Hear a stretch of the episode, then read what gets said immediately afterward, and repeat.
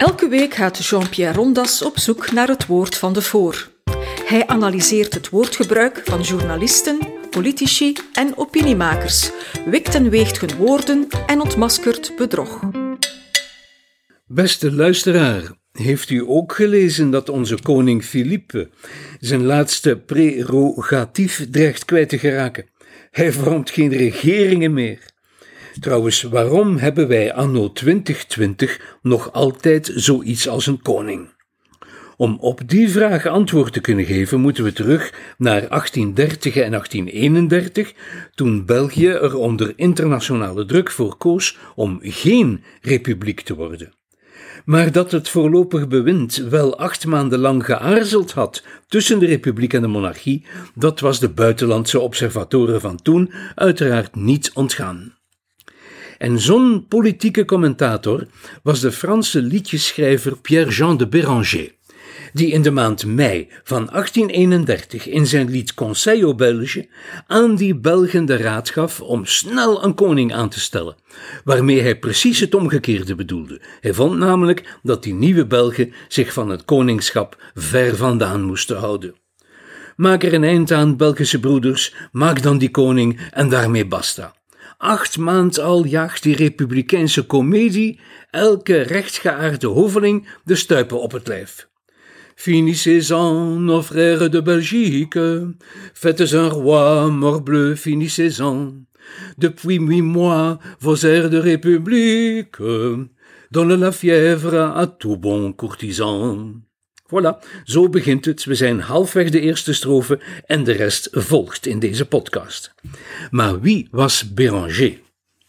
Twintig jaar lang, tussen 1813 en 1833, schreef deze Parijzenaar satirische, subversieve, anticlericale en republikeinse liedjesteksten tegen ongeveer elk regime dat Frankrijk tijdens zijn leven had gekend, en dat waren er vele.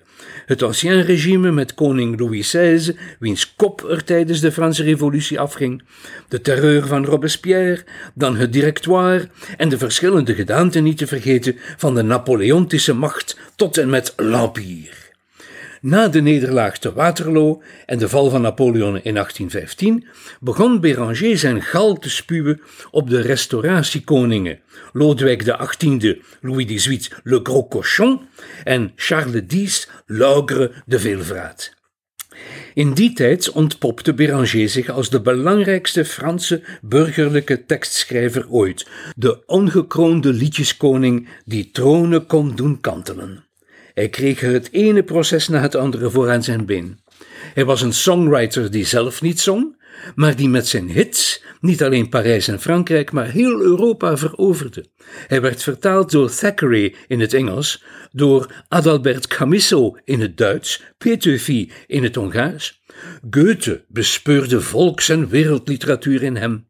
En in Vlaanderen is hij onsterfelijk geworden omdat de Gentse volkszanger en politieke liedjeschrijver Karel Wary, en die zong van 1868 tot zijn dood in 1898, omdat deze Karel Wary de Gentschen Béranger werd genoemd, die op zijn beurt rond 1970 door volkszanger Walter de Buck werd herontdekt.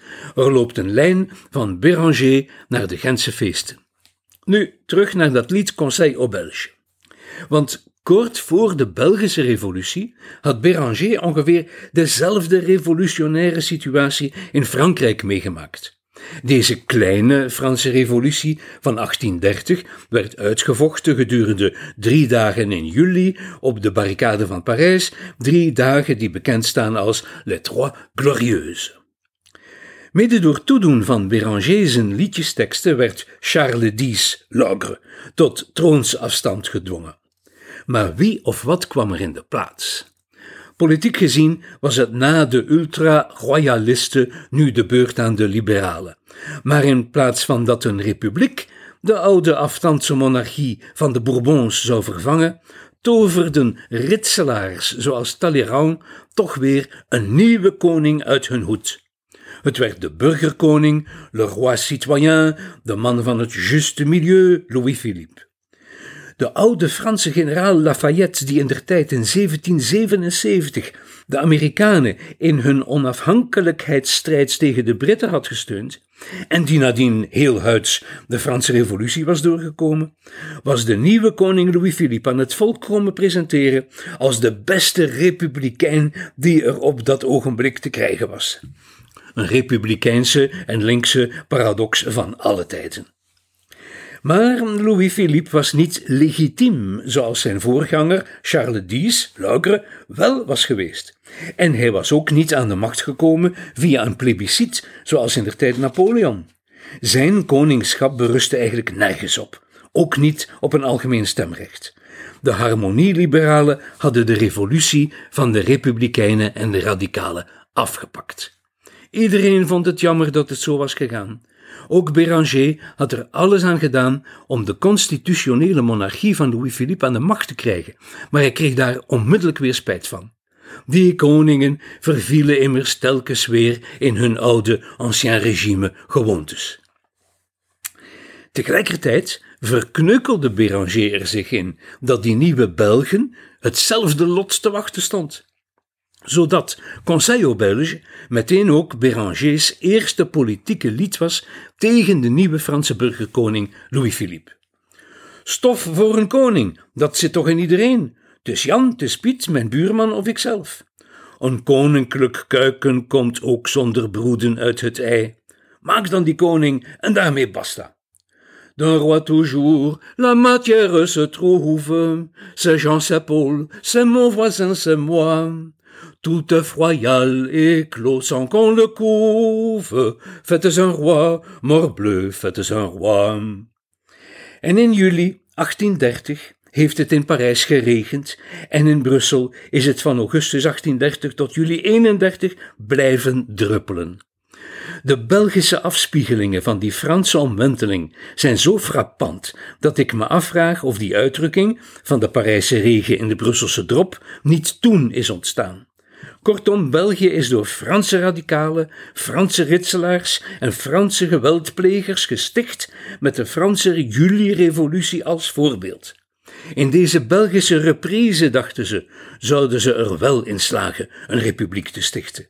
Met de bijkomende bedoeling om de nieuwe zwakke staat België uiteindelijk bij Frankrijk te annexeren. Daartoe lagen de plannen klaar.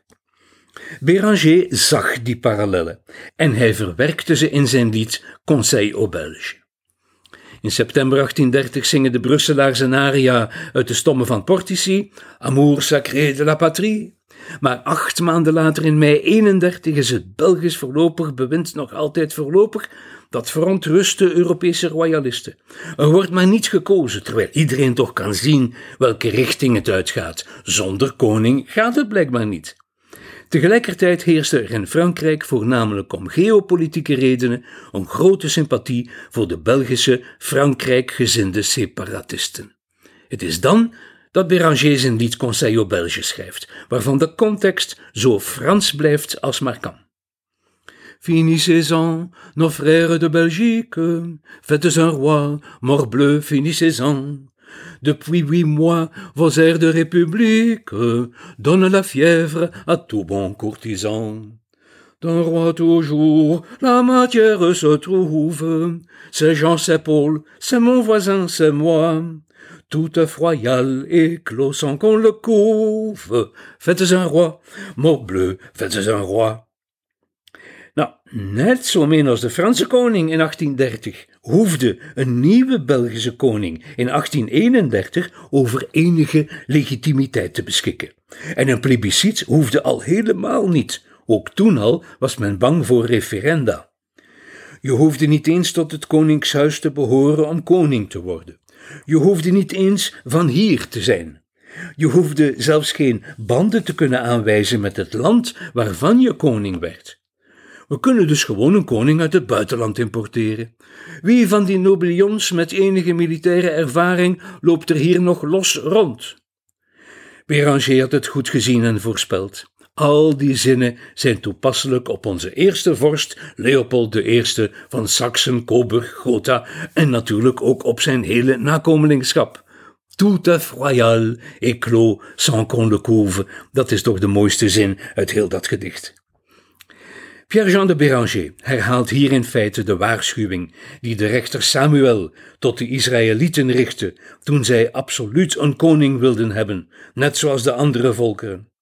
Eenmaal zo'n dynastie ingehuldigd, zegt Samuel, geraak je er niet meer van af. En kom dan later niet klagen bij de Heere, voegt Samuel eraan toe, want dan zal de Heere niet meer antwoorden. Hij heeft jullie genoeg gewaarschuwd. En zo is het ook ons vergaan. Je ziet maar, zei Samuel Béranger tot de Belgen. Toen, in mei 1831. Maar, om te besluiten, hoe is het dan gekomen dat een wildvreemde nobilion hier koning is kunnen worden? Hoe kwam het dan dat de Republikeinen het pleit verloren? Of anders geformuleerd, waarom is België in 1830 geen republiek geworden? En dat is meteen ook de eerste zin van het boek van historica Els Witte over de Belgische Republikeinen tussen 1830 en 1848. Die Republikeinen, die radicalen, waren losers. Dat boek bespreek ik in mijn recensie, die maandag op doorbraak verschijnt. Zal ik er al iets over zeggen? Wel, de beste boeken bevatten en bewijzen stellingen waar de auteur persoonlijk niet achter kan staan. Dat is pas wetenschappelijke integriteit. En Els Witte, haar boek, is zo'n boek. Dit was een episode van Doorbraak Radio, de podcast van doorbraak.be. Volg onze podcast op doorbraak.be/slash radio of via Apple Podcasts, Overcast of Spotify.